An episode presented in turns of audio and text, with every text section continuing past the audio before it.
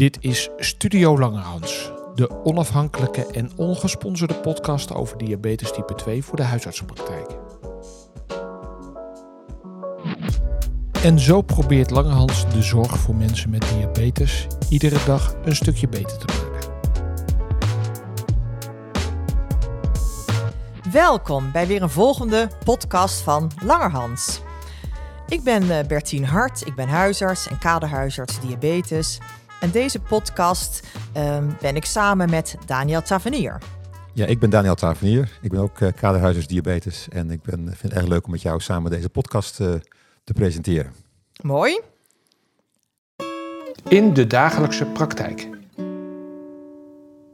Ja, uh, Bertien, ik begreep dat jij nog een leuke casus had die je deze week had meegemaakt. Vertel eens. Ja, nou het is niet zozeer een casus van afgelopen week, maar een casus waar ik echt al jaren mee uh, worstel en ploeter. Het is een ontzettende vriendelijke dame van 55 jaar, uh, die sinds haar 42ste diabetes type 2 heeft en heel erg worstelt met haar instelling. Ze had vanaf de diagnose een BMI van 40 en is actief begonnen met leefstijl. Later heeft ze metformine erbij gekregen. Dat kon niet helemaal maximaal in verband met uh, maag-darmklachten die ze daarbij kreeg. Vervolgens stolbutamide en dan heel wisselend. Dan, daalt haar HbA1c goed en dan voelt ze zich beter en dan gaat de leefstijl ook beter.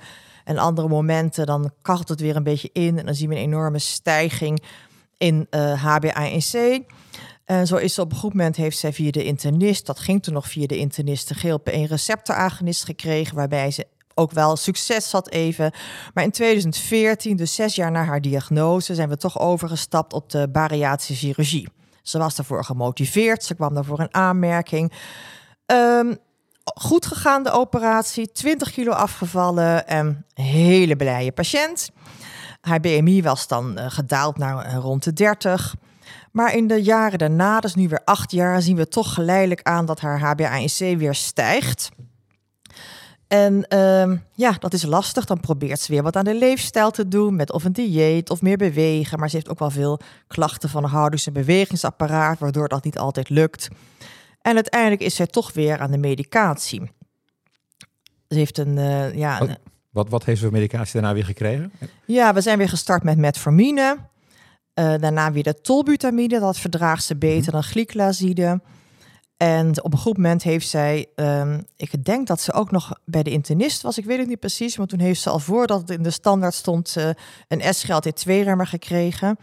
Maar die is ook al redelijk snel weer gestopt, omdat ze steeds uh, schimmelinfecties had. Oh ja. En, en met, dat, met die medicatie was haar diabetes nog steeds niet goed ingesteld? Nee, het is wel eens een jaar wel goed ingesteld. Maar nou, ja. in 2021 zag je haar stijgen van 53 en uiteindelijk tot 80.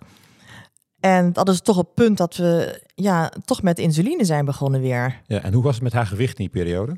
Ja, haar gewicht was, zeg maar, is dus toen eerst 20 kilo afgevallen. En haar BMI die schommelt uh, ja, in goede periodes rond de 30 en, en dan weer op de 35. Ja, ja, en heb je toen in die tijd nog overwogen om voordat je met insuline start nog met iets anders te doen? Ze had ook in het verleden met enig succes een GLP-1 gehad. Is, heb je dat nog overwogen? Ja, die heeft ze ook een tijdje gebruikt weer. Die gebruikt ze ook nog. Mm -hmm. En ze had al tolbutamide. En ik, ik worstel een beetje met, is er nou de anatomie zo veranderd bij uh, de bariatrie dat sommige medicamenten minder goed zouden werken of dat ze meer bijwerkingen zouden hebben. Ja. Dus eigenlijk zou het wel leuk zijn om daar eens met iemand over te praten. Ja, dus had je, had je, die, had je die twijfel ook met name over de GLP-1 of ook over alle middelen? Ja, vooral over de, over de, hè, de incretine mimetica, ja. omdat dat natuurlijk darmhormonen zijn. Mm -hmm. En die darmanatomie is heel erg veranderd. En ik kan me ook voorstellen dat je dan weer eerder bijwerkingen hebt op de hè, metformine en, en uh, ja. de glyclazide of de tolbutamide, omdat ze daar heel gevoelig voor is. En ja, of je misschien ook eerder een hypo hebt met insuline en, en ja. uh, SU-derivaat, ja. doordat het anders is. Dus, nou, boeiende vragen. Ja, misschien is een uh, expert daarover benaderen. Goed plan. Heb jij iemand uh, specifiek op het oog die je daarvoor zou kunnen bellen? Ja, ik, ik ken een uh, internist in het Antonius ziekenhuis in Utrecht en Nieuwegein. Dat is het ziekenhuis waar uh, ik zelf mee samenwerk. En dat is Ingo Eland. Dat is een internist, endocrinoloog. Volgens mij heeft hij ook een tijd gewerkt bij het NOK, de Nederlandse Obesitaskliniek. En hij komt altijd in de kaderopleiding diabetes praten over de bariatrie. Dus hij weet er echt veel van af. Nou, lijkt me interessant. Bellen met een diabetes-expert. Met Ingo Weland, interne geneeskunde. Ha, Ingo, met Bertien Hart. Ik, Ja, eh, Bertien. ha, ik bel jou hier vanuit de studio Langerhans en ik zit hier samen met eh, Daniel Tavenier, ook kaderhuisarts diabetes. En ja, ik, ik begrijp dat jij wel, wel op, goed op de hoogte bent van de, hè, de medicatie voor de diabetes en ook voor andere medicatie bij mensen na een gastric bypass. Dus ik wil echt met jou even afstemmen. Eh, Is er nou een bepaalde voorkeur voor, voor bepaalde middelen bij type 2 diabetespatiënten die een eh, gastric bypass hebben gehad? Ehm, ja, dat denk ik wel.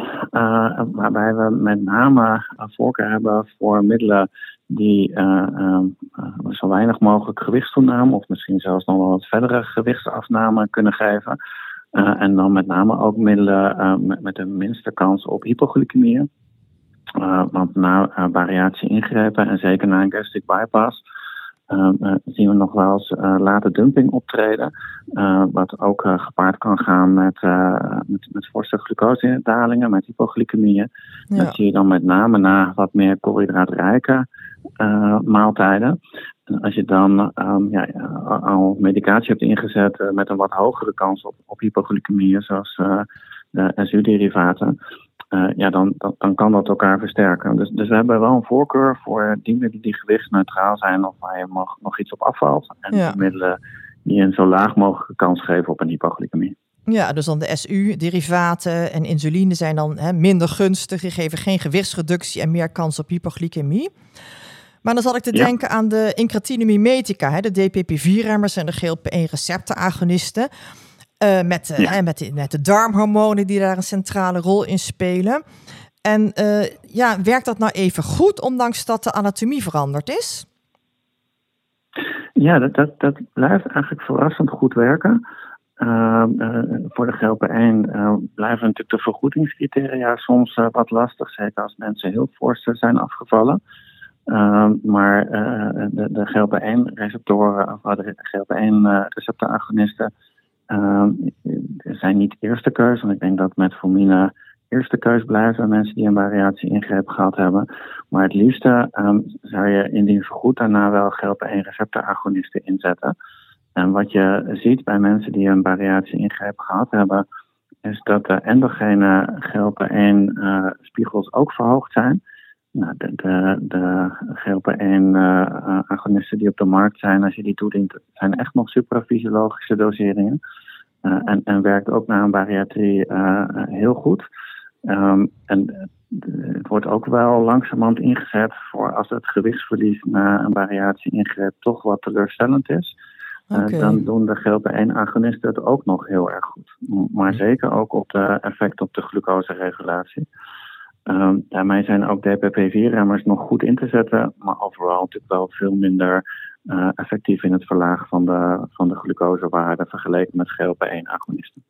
En hoe zit het dan met de, de, de bekende bijwerkingen die de GLP-1-receptoragonisten hebben? Of Gastrointestinaal. Is dat dan niet meer juist in dit soort situaties? Of is dat vergelijkbaar? Ehm, bij een, na een gastric bypass, ehm, dan eh, ben je in principe je, je pylorus kwijt in het, in het traject van hoe het eten eh, uiteindelijk in de darm terechtkomt. En dus echt die, die vertraagde maagontlediging, eh, dat, dat speelt minder. En dat speelt ook wel een belangrijke rol in, in de misselijkheid. Eh, en eh, zeg maar het geleidelijk optitreren, zoals we dat ook gewend zijn voor mensen die, die geen gastric bypass hebben gehad, zien we eigenlijk dat dat heel erg goed gaat. Dus dat is, dat is niet op voorhand een reden om eh, niet een GLP-1-receptoragonist te geven. Ik, ik hoor het eigenlijk zeggen, het is zelfs eerder wat beter dan voor die tijd. Je hebt minder Nou, bijwerkingen. de- de- de- nou, die, wisselijkheid staat, staat niet voorop bij het, eh, ehm, bij, bij het starten van een GLP-1-agonist. Ehm, en en eh, gezien de goede effecten op het gewicht, maar ook de goede effecten op de glucoseregulatie en vooral iets anders doen dan op een manier insuline geven, of je dat nou met insuline doet of met een SU-derivaat, ehm, eh, ja, ja, heeft het echt wel de voorkeur. Ja. We hebben natuurlijk tegenwoordig in ons arsenaal ook de SCL2-remmers eh, om te kunnen geven. Eh, hoe, hoe, hoe Ja. positioneer je die in de, bij dit soort patiënten? Is dat, is dat tweede keus na GLP-1? Of zeg je nee, dat- die kun je ook heel goed daarvoor al geven als daar een goede reden voor is? Ja, dat, dat vind ik eigenlijk een hele moeilijke vraag. Uh, omdat uh, de SGLT2-remmers hebben zulke prachtige effecten bij mensen met een hoog cardiovasculair risico of mensen die al uh, navelschade hebben door de diabetes. Dat het misschien ook moeilijk is om dat te onthouden aan mensen postbariatrie die, die wel een goede indicatie hebben voor een SGLT2-remmer. De ervaring bij mensen met bariatrie en een SGLT2-remmer is natuurlijk ook nog relatief beperkt. Um, ook omdat uh, ja, wat uitgebreidere vergoeding natuurlijk ook nog niet zo heel lang uh, bestaat. Um, theoretisch, en dat, dat uh, is in de praktijk ook wel gezien, heb je wel een wat hogere kans op een ketoacidose. Zeker als mensen daar ook nog een, een ketogeenachtig dieet op inzetten. Dus is echt wel ketoacidose beschreven bij mensen postbariatrie die een SGLT2-remmer gebruiken. Um, dat was uiteindelijk de reden om voor type 1 te zeggen, ja, daar schrijven we het eigenlijk niet meer voor. Um, bij uh, mensen postbariatrie is de incidentie gewoon nog niet goed bekend. Dus ik denk niet dat je kan zeggen om het, uh, dat je het niet kan geven. Uh, zeker niet als er een goede indicatie is. Maar dan heel belangrijk om, om goede instructie te geven en, en goed uit te leggen aan de patiënt wanneer aan de bel te trekken.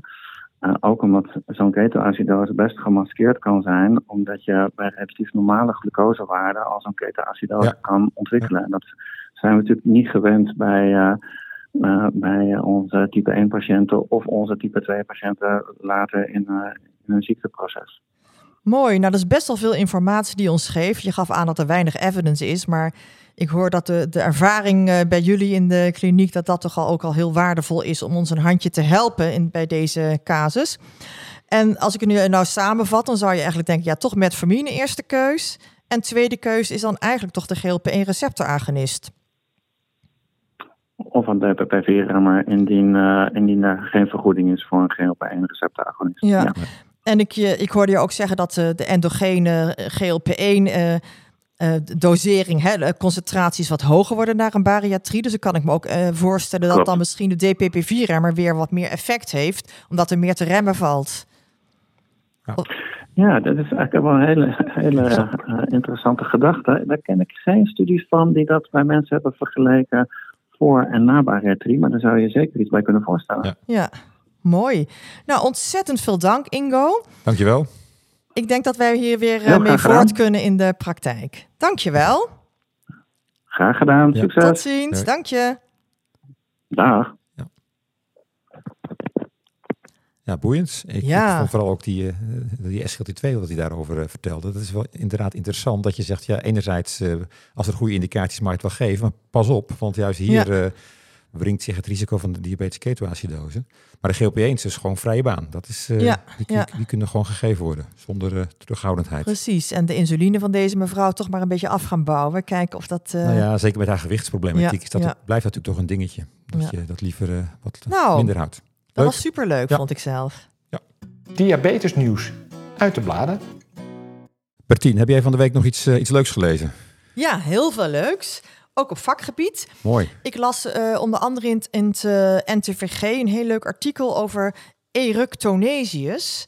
Nou, daar had ik eigenlijk die term kende ik nog niet zo.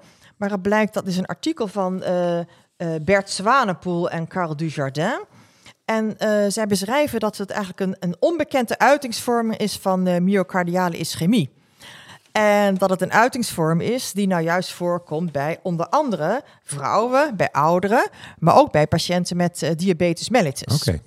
Ja, en uh, zij beschrijven dat dan eerst uh, hebben mensen dan. En wat het is, is dat mensen boeren gaan laten. Die gaan continu boeren laten en dat kan helemaal niet stoppen.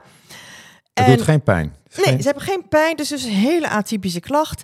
En dan eerst uh, merken ze dat dat alleen maar uh, bij inspanning is. Dat ze bezig zijn en dan ineens continu boeren moeten laten. Nou, dat is natuurlijk al vreemd, maar niet alarmerend. Ja. En later komt dan ook dat dat uh, in rustvormen voorkomt. En iemand die had dat ja, zoveel erger. En, en, en dat bleek toen uiteindelijk inderdaad myocard ischemie te zijn. En hebben ze dan naast deze klacht ook nog andere klachten? Of is dat de echte enige presentatie? Nou, bij dit artikel was het echt dat het uh, heel atypisch was en dat het alleen uh, deze presentatie was. En zij vertellen daarbij dat het ook heel erg onhandig is, omdat je dan pas in een veel latere fase ja. de diagnose stelt. En uh, ze zeggen ook dat het meestal voorkomt bij een onderwarmd infarct. Dus ik denk omdat wij nou vooral natuurlijk geïnteresseerd zijn in mensen met diabetes en ook heel veel ouderen en ook heel veel vrouwen, is het goed om daarop alert te zijn. Ja. Als je een vreemde klacht krijgt van nou, iemand die steeds moet boeren als hij op de fiets stapt, dat je dit toch denkt van is er niet wat anders aan de hand. Ja, nou interessant, inderdaad. Dus ik vond dat een heel interessant eh, artikel. En jij? Nou, zeker. Er stond nog wel wat meer. En eh, het was er te lezen. Ik heb onder andere in ehm Huis en Wetenschap een, eh, een interview gelezen van. ehm, ehm, dat ging over het leven als jongere met diabetes. Ehm, en dus dat stond boven. Leven als jongere met diabetes. Ik, ik hoop op meer vrijheid. En dat is wel interessant, want Maar- dat is een 17-jarig meisje eh, met, met haar moeder. Eh, wij zien natuurlijk type 1 patiënten regelmatig. Oh, in het was type 1 dus. dat ja, type precies. 1. Ja. dat is type 1. Z- Ja, als onderscheiding van de type 2 inderdaad. Ze was tien jaar toen het begon. Had al zeven jaar toen het interview genomen, afgenomen werd. En nou, we zien die mensen natuurlijk regelmatig. En de behandeling is onder de, onder, de- door, de, wordt door de kinderarts gedaan. En later als ze ouder zijn uiteraard door de internist. En wij zien ze voor hun diabetes eigenlijk dus meestal niet. Ehm, in, in, in het interview wordt ook duidelijk wat een impact die diabetes type 1 heeft op, Ja. die, eh, op die jongeren.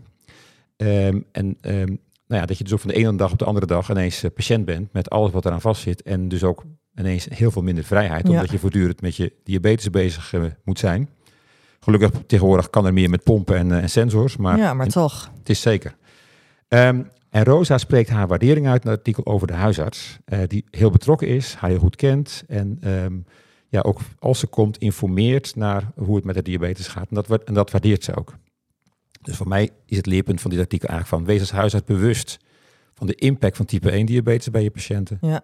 En wees er ook toch betrokken bij als mensen op je spreker komen door eens naar te vragen en eens te kijken van eh, hoe gaat het nou? Eh, en wees je ook bewust van de wisselwerking die type 1 de, de diabetes kan hebben, met onder andere andere ziektes die mensen toch ook hebben en waar ze mee in de praktijk Ja. komen, dat dat ook hun diabetes eh, kan beïnvloeden. Mooi. Ja, is interessant. Maar goed, als tegenhanger daarvan, want wij zijn natuurlijk als Langerhans vaak bezig met juist de type 2 diabetes, dat is onze grote, grote groep. Ehm, ik las een artikel in de British Medical Journal over de global burden of type 2 diabetes in adolescents en young adults. En ehm, dat ging, ging erover dat eh, in de wereld de, de, de type 2 diabetes bij jongeren dat dat toeneemt. Ehm, en, en ja, dat had vooral te maken met overgewicht, een hoog BMI. Dat was eigenlijk de, de, de, de link. Nou, Ja. dat eh, lezen las ik een ander artikel in Huis en Wetenschap, om weer wat dichter bij huis te komen. En ehm, nou, daar stond een artikel in eh, wat ging over het overgewicht. Heb jij toevallig het artikel ook gelezen? Ja, ja, ik las het. En eh, ik heb ook gelezen waar het, waar het precies over ging. Het was een artikel van Marienke van Middelkoop en Patrick Bindels. En zij beschrijven een onderzoek wat is uitgevoerd, het eh Dura-onderzoek. Eh, dat gaat over een, eh, het is echt een cohortonderzoek van, eh, met 733 kinderen eh, van 2 tot 18 jaar. En daar hebben ze vragenlijsten afgenomen over eh, patronen van bewegen, eten en slapen en hun kwaliteit van leven.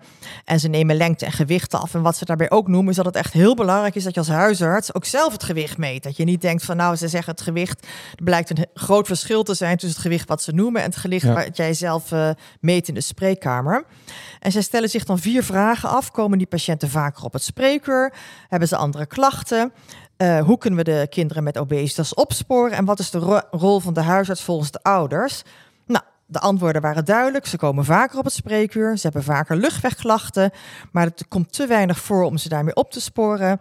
En 94% van de huis, eh, ouders van de dikke kinderen vindt de rol van de huisarts heel belangrijk. Dus ik denk ook dat komt eigenlijk een beetje overeen wat jij zegt. Wat Rosa ook vertelt. Dat wij als huisarts daar toch aandacht aan moeten besteden. Ja, dat is ook de aanbeveling aan het eind van het artikel, dat wij als huisartsen een, ja, dat wij onze signalerende rol in deze serieus moeten nemen en inderdaad ook zelf moeten meten. En dat we er ook vanuit mogen gaan dat de ouders het prettig vinden als wij eh, hier ook mee aan de slag gaan. Dus die 94% is natuurlijk wel een heel overtuigend eh, eh, percentage. Dus ehm, ja, in de woorden van de auteurs, we mogen het signaleren, bespreekbaar maken, ondersteunen en gericht verwijzen van kinderen met overgewicht meer gewicht geven. Ja, hele mooie afsluiting. Ja, ben ja. ik het ook mee eens. Nou, dan hebben we ook nog de, de laatste rubriek. Dat gaat altijd over de, het forum.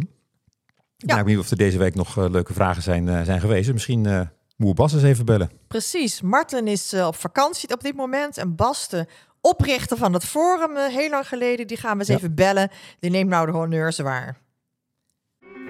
Opvallende dingen van het Forum. Hoi, met Bas. Dag Bas. Ah, ik noemde jou al de oprichter van het Forum heel lang geleden. Dat jij vandaag de honneur... Ja, dat is toch zo? En we nemen, jij neemt vandaag de honneurs waar. En waren benieuwd of jij nog Ja, eh, afgelopen maand of afgelopen week een eh, mooie casus had gezien op het Forum.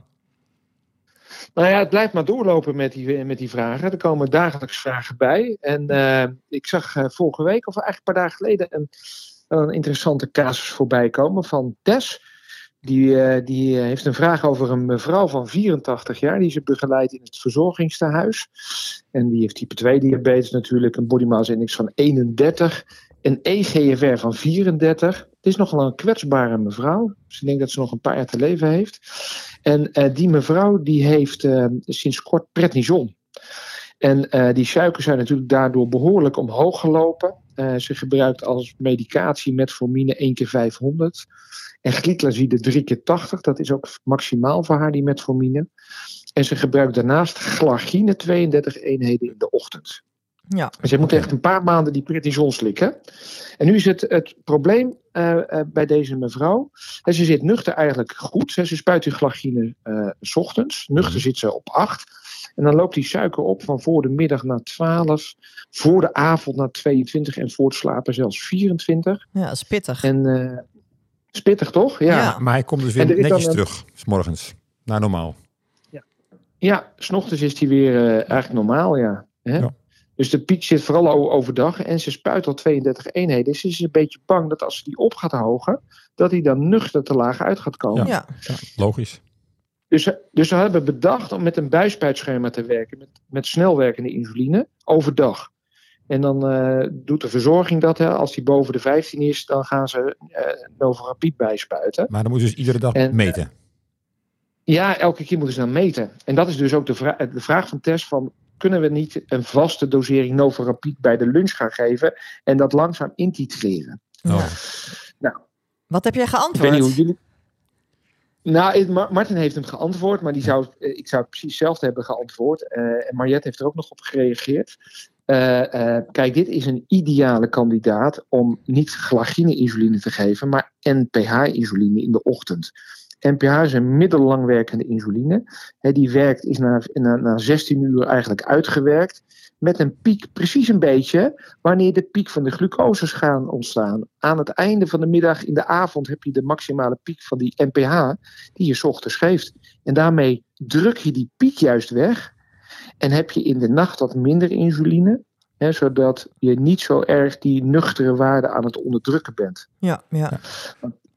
Nou, dat is iets wat we natuurlijk ook. Ja, maar ja, zeg maar daar. ja, nou zou, zou je kunnen denken dat je de vraag terugkrijgt, maar wordt die dan 's morgens niet veel te hoog? Ja, nou dat is, dat is dus het, het hele frappante bij, dat, eh, bij die corticosteroïden. Ja, als je corticosteroïden langer dan 10 dagen gebruikt, dan krijg je dat de hypofyse bijnieras, een beetje ingewikkeld systeem, dat is een hormona- hormonale as, hè, die ervoor zorgt normaal dat je glucose, cortisol stijgt en je glucose in de vroege ochtend eigenlijk omhoog gaat. Hè, zodat je een beetje fit wakker wordt. En die as wordt onderdrukt als je corticosteroïden gebruikt. Langdurig corticosteroïden. Ja. Dus die nuchtere waarde zal steeds een beetje lager worden. En als je dan zo'n langwerkend insuline geeft, zoals deze mevrouw, die glagine krijgt, krijg je die piek overdag niet weg. En druk je hem s'nachts misschien wel eens in een hypo. En dan kan je veel beter met NPH oplossen. ja. Ja, nou, dus dat het klinkt wordt- heel aannemelijk. Ja, dat dat de goede oplossing is. Het wordt simpeler en veiliger. Het wordt simpeler en veiliger. En die mevrouw, hè, want zo'n oude dame, een kwetsbare dame, die ook het liefst zo min mogelijk wil spuiten. En de verzorging wil je daar ook niet mee belasten. Ja. Met al die 2-4-6 regels. Die kunnen dan waarschijnlijk gewoon overboord.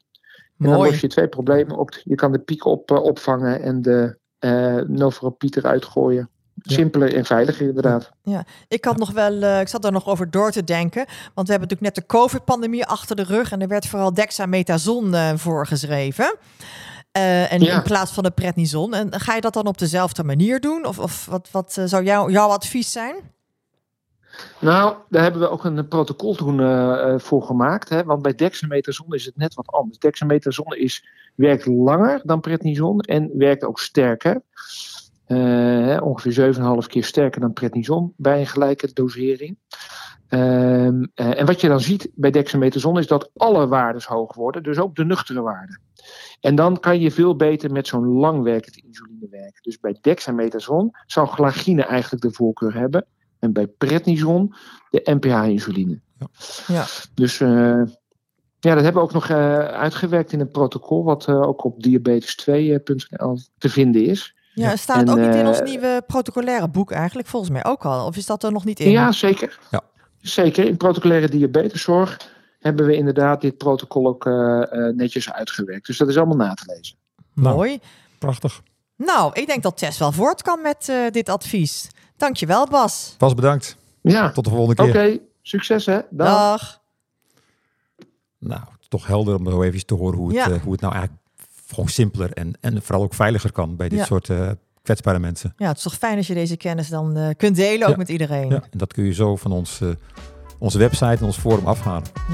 Mooi. Nou, tot ziens, Daniel. Volgens mij zijn we tot het eind gekomen. Ja, hè? volgens mij ook. Ja. bedankt.